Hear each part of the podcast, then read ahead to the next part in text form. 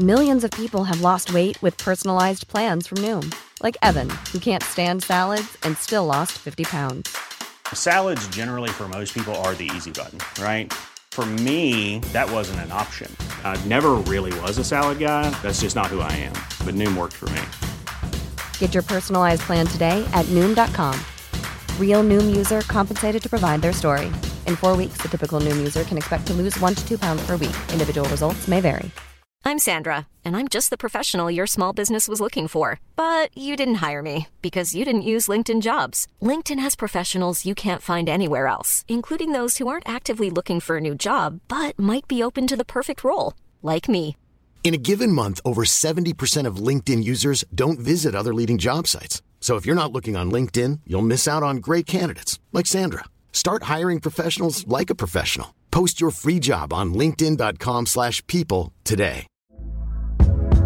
Hey there, it's Michelle Norris. I'm host of a podcast called Your Mama's Kitchen. When I travel, I'm usually looking for a way to find a taste of home when I'm not at home. And one of the things I love to do when I am at home is entertain. And Airbnb allows me to do that. When I was in California recently, I rented a house that had a great kitchen. And when we were sitting around the table, we're all thinking, we're in someone else's house. Someone could be in all of our homes as well. If you have a home, but you're not always at home, you have an Airbnb. Your home might be worth more than you think. Find out how much at airbnb.com/slash host. I've drummed it into our players that they are privileged to play for you. Call it, take it quickly, Origi! And Mission Impossible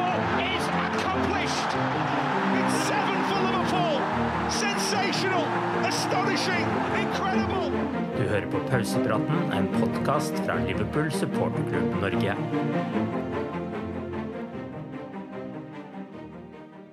Forrige uke skulle egentlig handle om serieåpningen, men det var alt som skjedde utenfor banen som stjal overskriftene. Chelsea nøyde seg ikke med å ta ett poeng fra Liverpool, de tok også de to fremste overgangsmålene til Klopp. Liverpool har blitt ydmyket på overgangsmarkedet, og nå handler alt om å hindre at det blir en ydmykende sesong også. Arve Vassbotn heter jeg, og med meg i pausepraten i dag har jeg Tore Hansen og Arild Skjæveland. First and foremost, I, I got told that I can confirm that the, the, deal, the deal with the club is agreed. Fredag formiddag satte vi oss ned entusiastiske og laget en episode av pausepraten etter at Liverpool tilsynelatende hadde sikret seg Moises Caicedo fra Brighton for 111 millioner pund. Klopp hadde akkurat da bekreftet avtalen med Brighton på sin pressekonferanse, men vi ble ikke engang ferdig med å redigere podkasten før det kom kontrameldinger om at Caicedo heller ville til Chelsea. Den podkasten får ingen høre, denne her får forhåpentligvis flere høre. Caicedo ble det ikke noe av. Romeo Lavia blir det heller ikke noe av. Og Jørgen Klopp kommer nok aldri til å bekrefte noe på en pressekonferanse igjen. Arild, hva er ditt inntrykk av hvorfor Liverpool ikke kommer i havn med spillerne de ønsker nå? Det virker som at Liverpool har mista litt kontroll og famler litt i, litt i blinde. For meg så virker det helt absurd at en legger inn at jeg legger inn bud på en spiller i 2023 uten å vite at han, at han kommer og sier ja, for det er liksom noe som aldri skjer. Vet, alle vet jo at det er ulovlig å snakke med en spiller før en får tillatelse, eller sånn såkalt tapping up, men det er jo noe som, så alle gjør, og derfor så ser du aldri at uh, det som nå har skjedd med Leopold to, to ganger tydeligvis skjer. Og så Mm. Spesielt når det er en så stor deal, når det er snakk om uh, ny britisk overgangsrekord. Altså Jeg skjønner at Liverpool vil ta en sjanse hvis de har fått en oppmuntring om at det er et lite håp der, men uh, ja, det er litt pinlig. Og spesielt når det òg skjer med, med Lavia et par dager etterpå, så ser det ut som at Leopold har mista litt, litt kontroll. Det er òg en ting som aldri, egentlig aldri skjer, at, at to klubber blir enige om en så stor overgang. Så, så har en ikke det grønne lyset fra spilleren. Det er litt absurd. Da, jeg ser agenten til Caicedo får, får masse skylda for det. og eh, når Caicedo gikk til Brighton, så var det vel Det ble sagt at Brighton vant den kampen for at det var det eneste klarte å finne ut hvem som faktisk var agenten hans.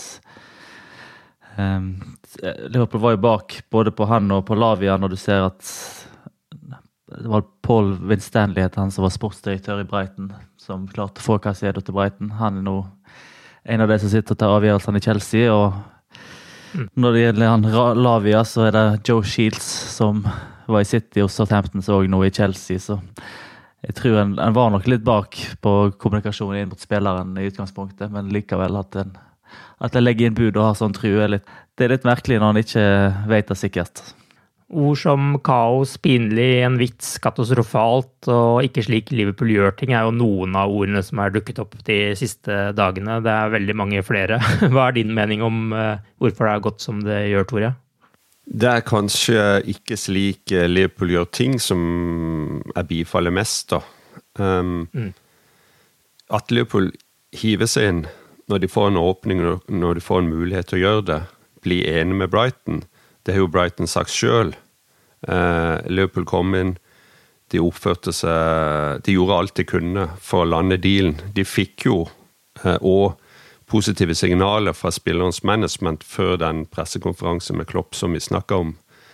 Så eh, det er mange, mange, grunner til at eh, Liverpool føler at de har gjort en bra jobb her, og så har de blitt eh, hengt ut til tørke likevel.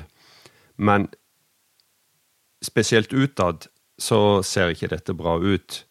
Um, og hvis en ser på det Liverpool vi har blitt kjent med under Jørgen Klopp, så er det en klubb som uh, iallfall siden 2016-2017 har, gjort nesten alt rett på transfermarkedet og vært uh, en foregangsklubb. Uh, de har vært smarte, de har hatt stålkontroll.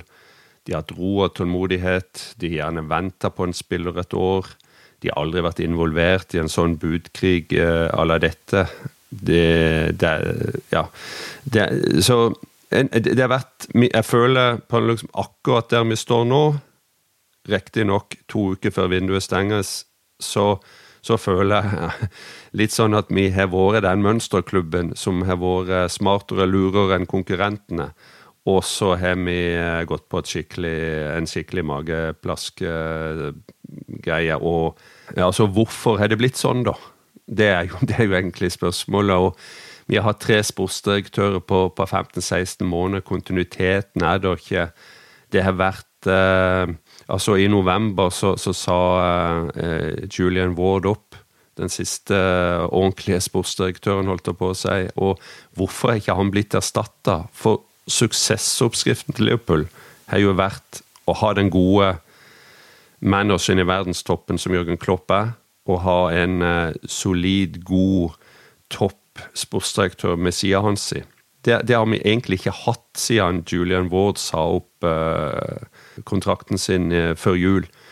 Og Hvorfor har det kommet inn en vikar som har en kontrakt fra, fra 1.6 til 1.9? Hvorfor kom en Altså, alle jeg, jeg det tenkte i går Alle som eh, har gått på eh, norsk grunnskole, vet at eh, å få inn en vikar, det betyr utetime. Det er gøy, men det er, det, det er ikke så veldig eh, eh, du, du, du, får ikke så mye ut av det. Og å få inn en vikar som nesten var pensjonist før eh, Klopp eller Leopold henta han inn for, som skal erstatte Julian, Julian Ward, Michael Edwards det er, det, er, det er, der de røde flaggene kommer for min del. Og det er det jeg tror vi ser resultatet av. Vi har gått inn i et uh, vindu uten å ha den kontrollen vi skal ha, uten de planene vi, vi trenger for å uh, komme i land her. Så skal det òg sies dette vinduet har endra seg underveis, og spesielt etter eh, salget av Fabinho.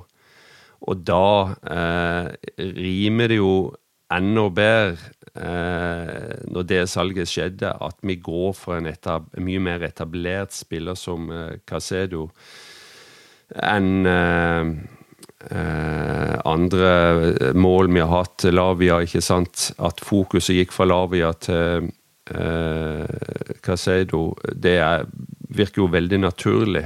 Og spesielt når vi skjønner at det er mulig å komme til bordet her.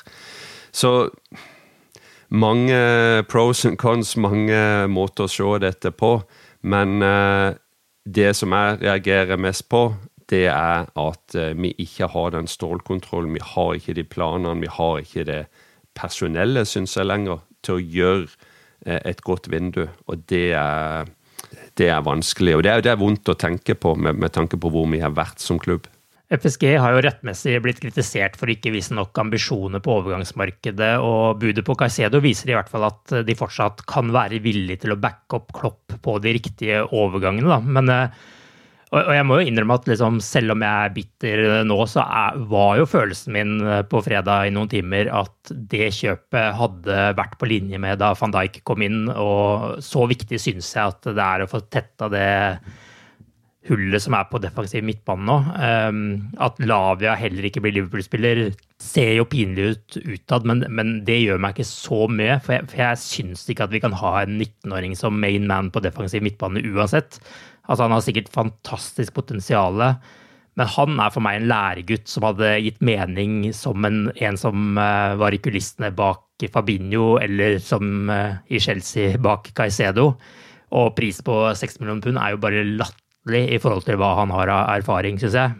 Og spesielt når vi har Basjetik allerede i den aldersgruppa der som har vist potensialet, så, så, skjønner jeg på en måte ikke helt den Lavia-connection, så det, den er jeg ikke så bitter for. Um, Caicedo-budet er selvsagt også helt vanvittig, men det gir allikevel mye mer mening for meg. Selv om jeg da ikke fatter at ikke Liverpool gikk inn for han tidligere, når de da eh, endelig skifta fokus der. Men Caicedo er en sånn type spiller som kunne sendt Liverpool opp i tittelkampen igjen, men uten en defensiv midtbane nå, så kan Champions League ryke igjen. Det er liksom forskjellen vi står i her nå. Så jeg er jo livredd nå for at Liverpool, når de da ikke har fått første- og andrevalget, stopper letingen, slik de gjorde i fjor sommer da de ikke fikk Shuameni og skulle vente på Bellingham, eller som i 2020-2021 da de ikke signerte en stopper som det var enormt behov for. For det her er jo ikke noe luksuskjøp. Dette er helt nødvendig kjøp for å klare seg gjennom denne sesongen, syns jeg, da. Og da at Liverpool kommer tilbake med et nytt bud på, på Lavia på mandag, da gjør jo liksom at en, en har ikke så stor tro på at de har så veldig mange, mange gode planer og overraskelser som en kanskje har sett tidligere. Sånn som med Soberslice-kjøpet som kom helt ut av det blå. Så liksom Liverpool har benekta at de budde 60 millioner pund på, på mandag, men så Tempton har allerede bekrefta det. Og det, det, var liksom da Liverpool fikk beskjed om at han hadde bestemt seg for, for Chelsea. Mm. Det virker som det er helt umulig å konkurrere med, med, Chelsea på overganger. Nå er det jo en spesiell link til de to spillerne og, og folk i støtteapparatet, men mm. det er denne måten de gjør ting på, der de enten har en helt genial plan eller en helt sprø plan, der de bare ignorerer Financial Fair Play for, for en periode og, og bygger et ungt lag og ser, ser hvordan det går punge ut hva det skulle koste. og Gir åtte-niårskontrakter som du ser baseball, og, og har en modell som ingen andre har lyst til å kopiere, tydeligvis. Så det, det blir spennende å se hvor genial han er på sikt. Men eh, det er ekstremt frustrerende, i hvert fall. Og jeg, jeg følger deg på at Casedo er liksom det kjøpet som ville ha, ville ha endra Liverpool fra å være en topp fire-kandidat til, til, en mulig tittelkamp. Um, men når han ryker, så eh, blir det jo så desperat at da, da kjente jeg på en, på en, bitterhet med Lavi òg, at det, det nok blir rota vekk. Hmm. Ja, du fikk, du fikk, jo den eh, doble i trynet uansett uh, hvordan en uh, vurderer Lavia, så, så ble det bittert selv om begge spillerne uh, er vanvittig overpriser. Det, det, er jo ikke noe tvil om. men, men Liverpool må antagelig òg betale overpris uansett hva de lander for, for, for det, det er bare sånn vinduet er blitt. Og enten så, eh, så må du kjøpe eller ikke, og som, som dere også er inne på, vi, vi, har ikke råd til å ikke få inn en eh, sånn tålig etablert uh, sekser.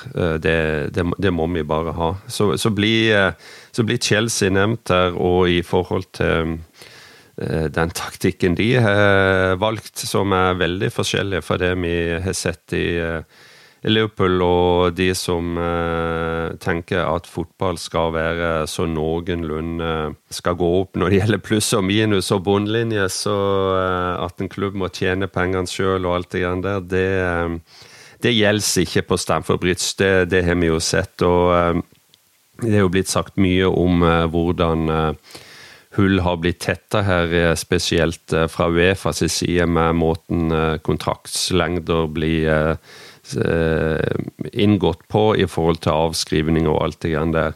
Men det som er Og det henger jo Premier League etter.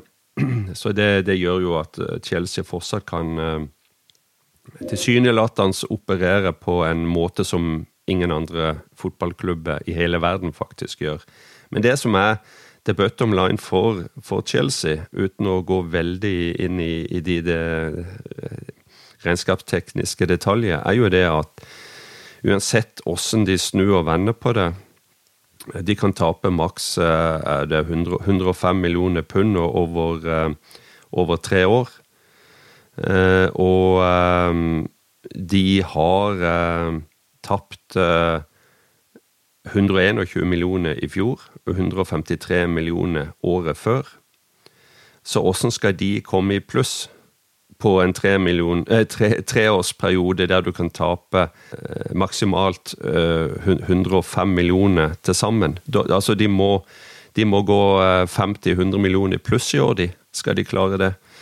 Eh, og det er jo da folk spør seg Gir de bare F. Bare driter de oppi det og bare eh, kjører på med musklene sine. Og fordi at de vet at akkurat nå så vil de antagelig bare få en eh, pengesum i, i bot som de har råd til å betale. Poenget mitt er det at hvis regler, hvis regelverk skal ha noe betydning, så må du steppe opp. Premier League må gå på mer enn eh, en, en, bot.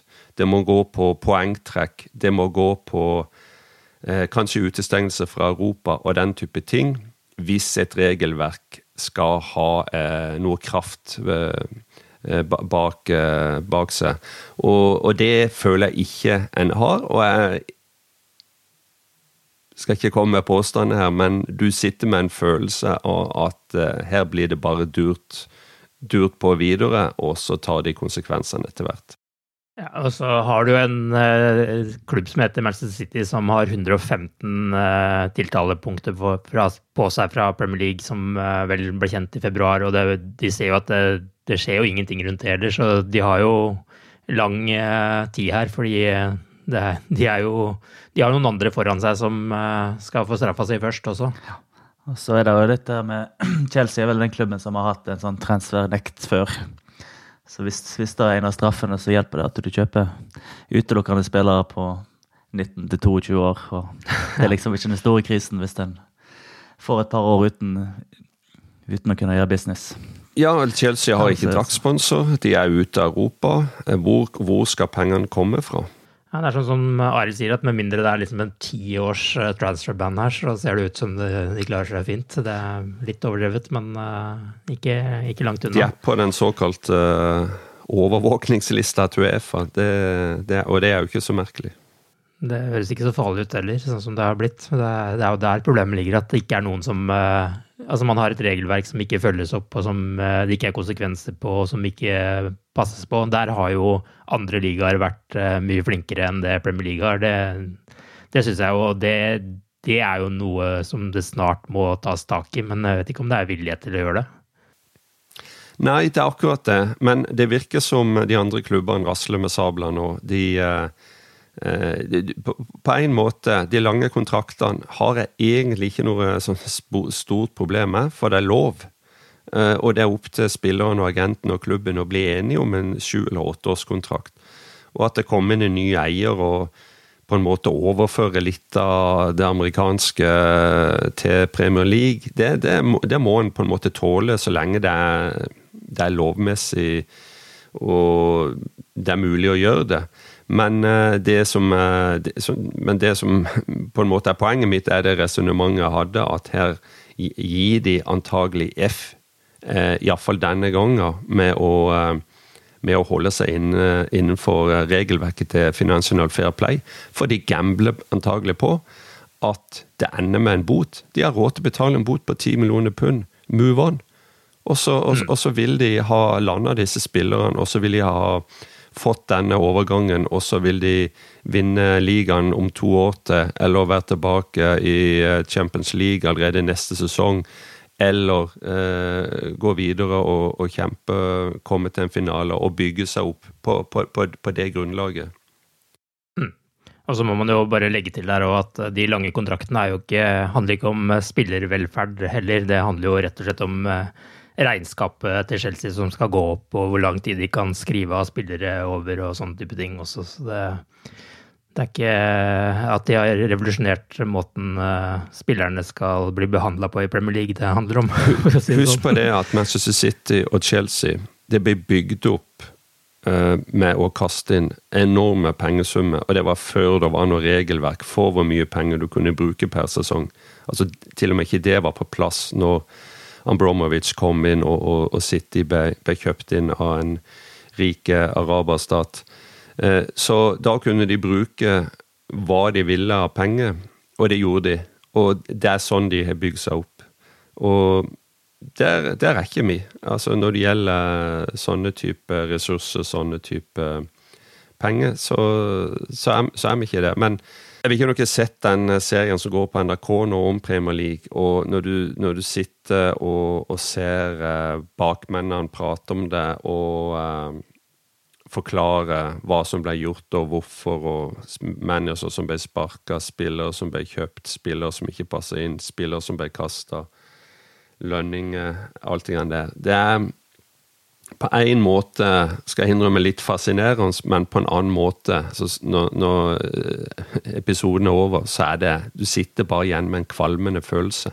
Det er, det er bare sånn Det er ikke sånn det skal være, øh, opplegg. Og øh, det er bekymringsverdig at øh, det ikke kom sterkere piskeslag fra toppen av fotballkjeden eh, i forbindelse med alt det vi ser eh, og har sett i fotballen de siste årene. Det må jeg si. I forhold til Casedo-budet, så er jo det åpenbare spørsmålet som har brukt, dukket opp fra flere, er hvorfor man ikke brukte pengene på Jude Bellingham når man tydeligvis hadde de tilgjengelig. Svaret på det er jo enkelt og greit at eh, Bellingham rett og slett ønsket seg til Real Madrid. Og der hadde nok Liverpool gjort en bedre bakgrunnssjekk, så de da visste at det var ikke noe vits å by, sånn som jeg tolker det. Life is full of what ifs. Some awesome, like what if AI could fold your laundry? And some, well, less awesome, like what if you have unexpected medical costs? United Healthcare can help get you covered with Health Protector Guard fixed indemnity insurance plans. They supplement your primary plan to help you manage out of pocket costs. No deductibles, no enrollment periods, and especially no more what ifs. Visit uh1.com to find the Health Protector Guard plan for you. It's that time of the year. Your vacation is coming up. You can already hear the beach waves, feel the warm breeze, relax and think about work. You really, really want it all to work out while you're away. Monday.com gives you and the team that peace of mind. When all work is on one platform and everyone's in sync, things just flow wherever you are. Tap the banner to go to Monday.com. Millions of people have lost weight with personalized plans from Noom, like Evan, who can't stand salads and still lost 50 pounds. Salads, generally, for most people, are the easy button, right? For me, that wasn't an option. I never really was a salad guy. That's just not who I am. But Noom worked for me. Get your personalized plan today at Noom.com. Real Noom user compensated to provide their story. In four weeks, the typical Noom user can expect to lose one to two pounds per week. Individual results may vary.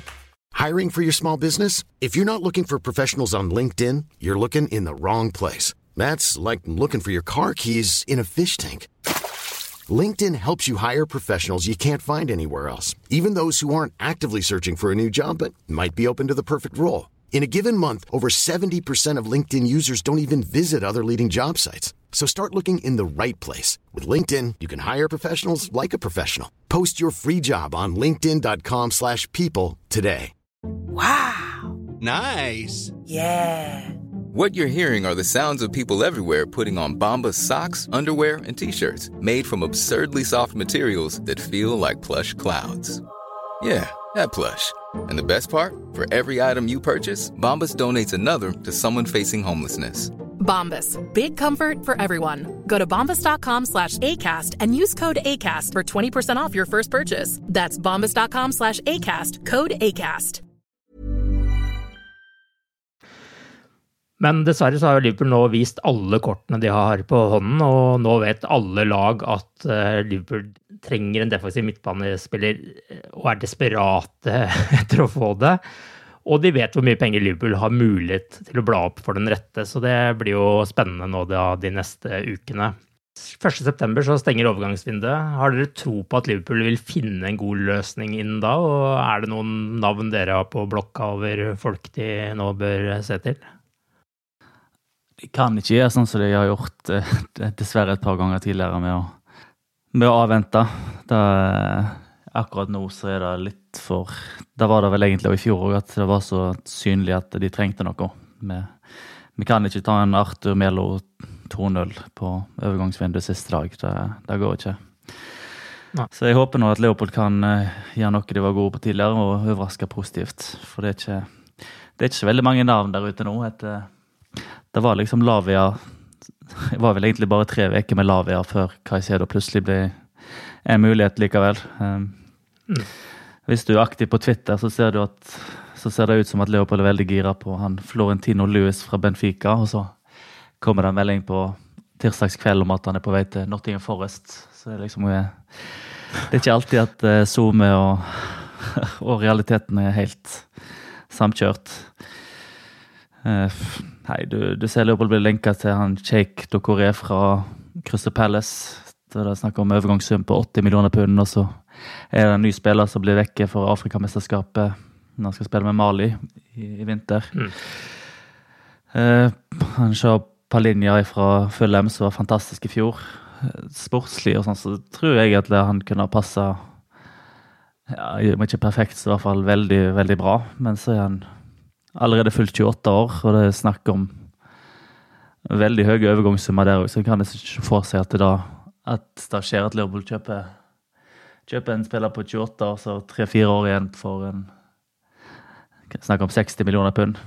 Det, det kan jeg ikke se for meg at skjer, altså, men det, nå er de jo desperat, så kanskje, kanskje ting snur. Så det er jo alltid sånn at en blir linka til litt Ser André fra Fluminense i Brasil. Men det virker liksom så vagt. Eh, og så snakkes det om at eh, så lenge de er med i Copa Libertadores, så kan det ikke skje og sånn, men jeg vil jo tro at en skal kunne få en spiller ut av Brasil hvis, hvis en flekser litt av de økonomiske musklene nå. Men, men det virker liksom som alt er, alt er så vagt at jeg håper de fortsatt tar noen av disse gamle listene de alltid skrøt av før, at de hadde så god oversikt over alle kandidatene i hver eneste posisjon. At de har, mm. at de har noen kandidater, fordi eh, her må de rett og slett handle. De kan ikke vente til, til siste dag av vinduet og hente en, ja, en Arthur Melo igjen.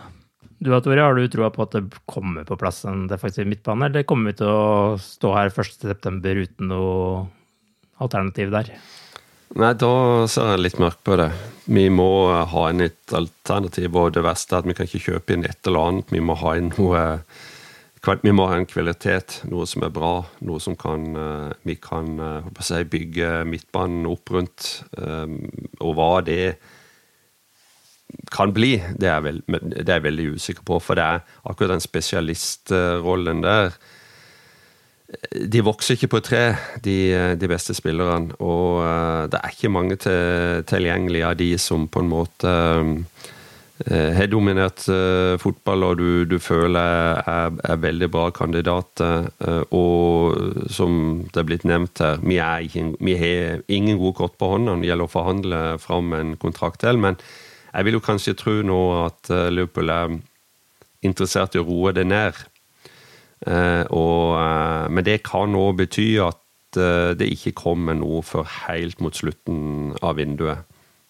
Og sannsynligvis vil jeg jo tro nå at det kommer ting litt ut av det blå. For nå har man vel lært å ikke gå veldig høyt ut og prøve å tette de lekkasjene man kan. Og har jo Southampton sannsynligvis vært veldig aktive med å lekke ting rundt Lavia-overgangen, men man ønsker vel å gjøre det neste kjøpet i, i stillhet. Sånn som man gjorde den gangen Fabinho kom til klubben. Det, er jo omtrent den raskeste overgangen noen gang hvor ryktene kom bare en time eller to før eh, kjøpet var i, var i boks. Men for en forskjell det kjøpet gjorde, når han da endelig, eh, etter et eh, lite halvår med å prøve seg, fant rytmen. Da så Liverpool helt annerledes ut også, og det viser jo hvor viktig den rollen er. Er det noen av dere som er overbevist om at Liverpool har god nok dekning på defensiv midtbane etter å ha sett Chelsea-kampen? Nei, det var veldig, var veldig synlig i hvert fall uh, siste timen. At uh, der er det et stort nei, forbedringspotensial for hvem som helst som, som kommer inn og kan den, kan den rollen. Jeg tror han vinner den kampen der ganske komfortabelt hvis han har en, har en god, uh, god ballvinner som kan lukte faren. Klopp starta jo den kampen her da med McAllister, Soberslay og Cody Gakpo på midtbanen. Hvordan syns dere det fungerte? I en halvtime så syns jeg det var, fungerte veldig bra. Fram til at Chelsea òg kom på at de hadde ganske gode spillere. Eh, mm. Spesielt med ball så syns jeg at nykommerne McAllister og Soberslay så veldig bra ut. Eh, Gakpo falt kanskje litt mer gjennom eh, i den, den, nye rollen sin eh, når han var på dette nivået her. Selv om at han, jeg syns han så lovende ut der i prisisen. Eh, ja, uten ball så ble det en del tøffere. Det er liksom, eh, det er liksom ikke disse spillerne som skal følge løp og oppdage trusler tidlig nok til å stoppe det før det blir farlig. Det, det var jo det som, som, som, vi ble tatt på, rett og slett. Og, eh, som Arild nevner nå. Og jeg, syns sånn det er, det er, lett å si ettertid og, og alt Ja, men det er jo det, er jo det vi det er jo det vi supportere er flinke på allikevel. Og eh, at uh, Gakpo uh, spiller Eh, eller startet, det syns jeg eh, var feil totalt sett. Eh, er, jeg vet at han er høy stjerne hos Klopp. Han har spilt presisen og Men jeg syns det er merkelig at ikke Jones kom inn eller startet den kampen, med, med tanke på at vi spiller tross alt med, McAllister litt ut av posisjon. Vi skal samtidig prøve å få Gakpo inn i en ny rolle. og jeg vet ikke. Keep it simple. Eh, to av tre ute av posisjon istedenfor bare å kjøre inn Jones. Det, det hadde ikke jeg gjort. og jeg håper ikke at vi nå skal lide oss gjennom uh, to måneder med at Gakpo skal finne en, en ny rolle. Jeg er jo enig med Arild at McAllister og Soberslay så jo veldig bra ut med, med ball. Soberslay var nok litt sånn som Keito og Tiago var når de kom fra Bundesliga, syns jeg. da, At han var litt seint ute i duellen og sånne ting, men det kan han forhåpentligvis rette opp, opp raskt. Men hva fikk dere ut av denne kampen sånn ellers? Hva er plussene og minusene fra første serierunde for Liverpool selv? Jeg syns Leopold var nesten glimrende i første halvdel av første omgangen. Altså Sala treffer tverrlegger med feil fot et par centimeter offside for det 2-0-målet der. Muligens nytt for et straffespark. Det er liksom flere sånne nesten-trekk der det nesten er en sånn kjempesjanse. Så offensivt så, så liker jeg det jeg har sett både i prisisen og i, i sesongpremieren. Nå er ikke Chelsea noe ferdig storlag, sånt, men de fleste en møter denne sesongen, vil det være en del en del svakere enn et, et ikke samkjørt Chelsea òg, så jeg, jeg, tror i hvert fall at Liverpool kommer til å skåre masse mål. Får en håpe at en får på plass de spillerne som gjør at de, de stopper baklengs, og for akkurat der er jeg litt bekymra. Du da, Tore, hva er plussene og minusene du har tatt med deg?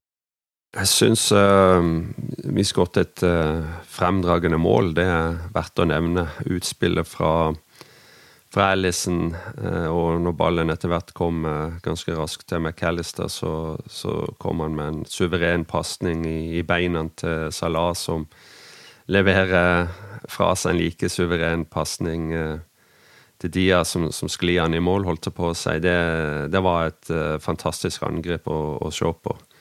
Så det, det, det, er et, det er et mål jeg vil huske lenge. Um, men ellers så syns jeg det er litt sånn speilbilde fra prisisen. Eh, en del bra, men en, en del òg eh, eh, minus, spesielt måten vi forsvarer oss på som lag, da. Eh, og vi har ikke Vi makter ikke lenger å ha kontroll på, på kampene sånn som vi ønsker. Vi hadde nesten rekordlite possession eh, mot Chelsea, og eh, det er vel litt eh, sånn vi kan forvente å se utover høsten, og hva skal vi si, litt sånn halvville kamper med mål i begge ender. og litt sånn flashback til kanskje 17-18-sesongen, hvor eh, vi begynte på en måte den store oppturen under Klopp. og men, men, men, det svingte mye, og, og akkurat nå, før eh, alle spillere på plass, før eh, vi har en eh, Stefan Bajekko tilbake og kan få prøvd han i sekserrollen igjen. Og, altså, før vi får tetta de hullene som er, uansett hva det blir, så, eh, så, tror jeg det er litt sånn som vi så det på, på søndag, at uh, det vil bli framover.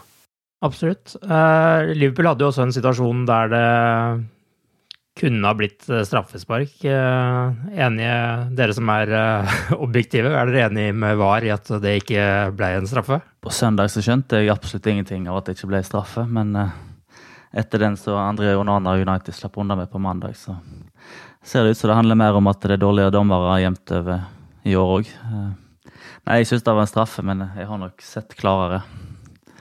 Ja, der og da så, så tenkte jeg jo straffespark. Når, når VAR begynte å, å, kikke på det, så var jeg bare helt sikker på at dette blir straffespark. Jeg, jeg ser forklaringa at uh, headinga fra Altså, hadde det vært rett fra corner i hånda, så hadde det antagelig blitt straffe. Men forklaringa som er kommet, er vel at det Når Diaz er borti ballen og header den, så, så, er det for kort avstand for altså, spilleren at kan få vekk hånda. Eh, og det er vel etter regel, dagens regelverk, men eh, hands-reglene har jeg egentlig gitt opp, så ja. Hadde dommeren dømt straffe, så hadde de antageligvis ikke gjort det om heller. Så det er, det er jo litt sånn i disse VAR-situasjonene også, at dommerne støtter seg på VAR. Men fordi at de ikke tør å ta avgjørelsene selv, så kommer ikke VAR til å overprøve avgjørelsen heller. Det er, det er en litt sånn rar dynamikk der også. Altså, når du får roa hodet litt og forklar, bli forklart hvorfor VAR gjorde som det gjorde, så, så rent logisk så, så, kan jeg på en måte forstå det, selv om fotballhjertet stritter imot. For det har liksom vært straffe i alle år, holdt det på seg. Men problemet er jo det at i neste Premier League-kamp uh, med, med, to andre lag, så blir det plutselig straffa likevel. Og det der syns mm. jeg problemet har vært uh, i Premier League, med var eller ikke var. Det er den uh, forskjellen som måten dommerne, Varbua, tolker ting på, som jeg ikke er konsekvent nok. Mohammed Salah han var jo rasende da han ble byttet ut, når eh, Klopp gjorde et overraskende bytte der eh, Salah ble erstattet av 18 år gamle Ben Doke. Man kan jo forstå at Salah blir rasende av å bli bytta ut, eh, og det handla sikkert ikke noe om at det var Doke som kom inn, men det viser jo litt kanskje om Klopps tro på Doke denne sesongen også. Salah har vel en sånn statistikk som han gjerne ville beholde. Han har vel skåret i åpningskampen i hver eneste sesong siden han kom til Liverpool. Kunne se at ble mer og mer frustrert. Jeg tror ikke det handler om Ben Doke, nei. Han er vel i mine øyne noe av det kjekkeste med, og mest spennende med Liverpool nå. Eh, mm. Nesten da så gjør det greit å være i Europaligaen, tenker jeg. Så jeg håper bare inderlig at ikke de låner han ut, sånn at vi får se han fra, hver, fra start hver, hver, torsdag i høst. Eh, nei, han er jeg ekstremt begeistra for utrolig direkte, utrolig kjapp på de første meterne og, og veldig sånn uredd og teknisk skolert. Han er forresten bare 17, et, et par måneder til, tror jeg. Men um, Så det er jeg helt enig med Arild. Jeg håper vi uh, beholder han og får sett med at uh, de innhoppene og uh, ligacup og kanskje Europaligaen når det kommer i gang. Så vi trenger å hvile noen bein. så veldig spennende spiller. Du har helt rett, han er 17 til eh, november, faktisk, han. Så det er fin presisering å ha.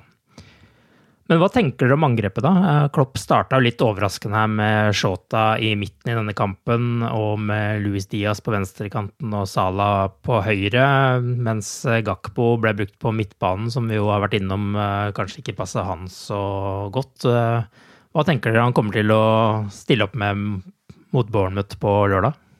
Jeg syns Shota var veldig lovende i prisisen, men akkurat her så satt liksom ikke touchet helt. Jeg syns nesten han var eh, For spillet kanskje like problematisk som Gakpo i den rollen som han var i. Så mm. nei, jeg tenker hvis Klopp så det samme som absolutt alle andres, og Paisetic og, og Tiago er klare, så, så, så, håper jeg at en av de to starter, og ser egentlig for meg at både Jota og David Nunes starter på benken mot Bournemouth. At det er Cody Garpos opp igjen i angrepet, da. Og at en får en en uh, spesialist på midten der. Jeg syns Garpo er bedre til å holde på ballen med, med bedre oppspillspunkt. og Jeg syns òg han eh, er flink til å uh, som servitør. Og, men altså, de har forskjellige egenskaper. Jota kan absolutt forsvare en, en, plass, men jeg ville heller hatt Gakpo oppe der i angrep enn på midtbanen. Syns jeg òg at Elliot var frisk når han kom inn. Syns han mm. tok gode initiativ, var spillbar. og og, og, lykkes med en del ting. Og, og det, samme, det, samme, med Jones. Det syns jeg bør nevnes. Men hva blir midtbanen deres da mot eh, Bournemouth, da? Hvilken tre foretrekker dere? Jeg tenker Hvis Tiago er klar, så ser jeg for meg at han vil være mindre rusten enn en Bajsetic. Han er vel ganske vant med å komme tilbake fra, fra skade og gå rett inn. jeg, jeg tror ikke akkurat Bournemouth er kanskje ikke det laget det det mest farlige å starte med han på en, en dyp midtbanerolle. Så ser jeg for meg både McAllister og Sobersley får fortsette. Eh, jeg syns de var positive, de begge to. Mm. Og så at Gakpo tar den plassen sentralt i angrepet. Da. Jeg tror både Diaz og, og Sala er de to som er ganske sikre fra start. Ja, jeg tror de, de to er ganske sikre fra start. Og så eh, skal Gakpo spille, så vil jeg ha han i, i angrep, som sagt. Um, og uh, så er, det, så er, det, jo den vurderinga, da. Skal du bare kaste inn Nunes fra start, da? Skal du bare gi, uh, gi han den, den muligheten? Det, det, kribler litt i meg, og det òg, det må jeg innrømme. på midten så har det gått for de to nye og Jones. Jeg tror de som er kommet tilbake fra skade, er kanskje på benk i beste fall. Men jeg, jeg tror Det vil overraske meg stort hvis, de, hvis en av de starter. Men ville du kjørt McAllister fortsatt da som vil, eh, defensiv, ja, eller endre opp til Jones? Ja, eller? Jones kan jo spille der for så vidt, men det blir kanskje litt eksperiment, det òg, og det liker jeg ikke. uh, men uh, så akkurat den kampen der mot Bournemouth, så føler jeg at vi kanskje har råd, for å kalle det det, til, til å kjøre McAllister uh, der igjen, altså. Mm. Men ideelt sett så hadde du kanskje fått inn eh, Tiago eller eh, Stefan eh, der eh, i 20 minutter eh, en, en, liten halvtime av, av, kampen mot slutten, og, og bare liksom sett åssen det hadde funka. Men lørdag er det iallfall kun tre poeng som gjelder når det er eh, seriedebut på Anfield. Men fortsatt så er det jo like spennende å se om Liverpool kommer i mål med en ny defensiv midtbanespiller. Kanskje eksploderer det en ny overgangssaga denne uken. Hvem vet? Vi får eh, følge med og se, og vi prøver å holde, holde dere oppdatert om alt som skjer på liverpool.no, naturligvis. Vi høres igjen i neste uke. Ha det bra så lenge. Ha det bra. Ha det bra. Up to Reds. The best word I can say, but uh, will describe this was boom. Ooh, what was this? It was really good. Liverpool has a history of putting a manager on a pedestal. Og her kommer eh, Liverpool-supportere fra fjern og nær og legger ned flagg og skjerf. Og It started in Glenbock in the 2nd of September 1913. You have me on it, yeah. No, I'm not having you. I've just been, been to Anfield, honest. You said? Det er, det er, en sånn litt John F. Kennedy-sak. ikke sant? Altså Alle husker hvor hun var. Nå sto Liverpool uten frelseren, sin Messias. Men han hadde skapt et fantastisk utgangspunkt for managerne som kom etter han. He is the superstar. Jeg tror ikke han kunne gått til en klubb som Manchester City eller lignende, selv om de virkelig ville ha han.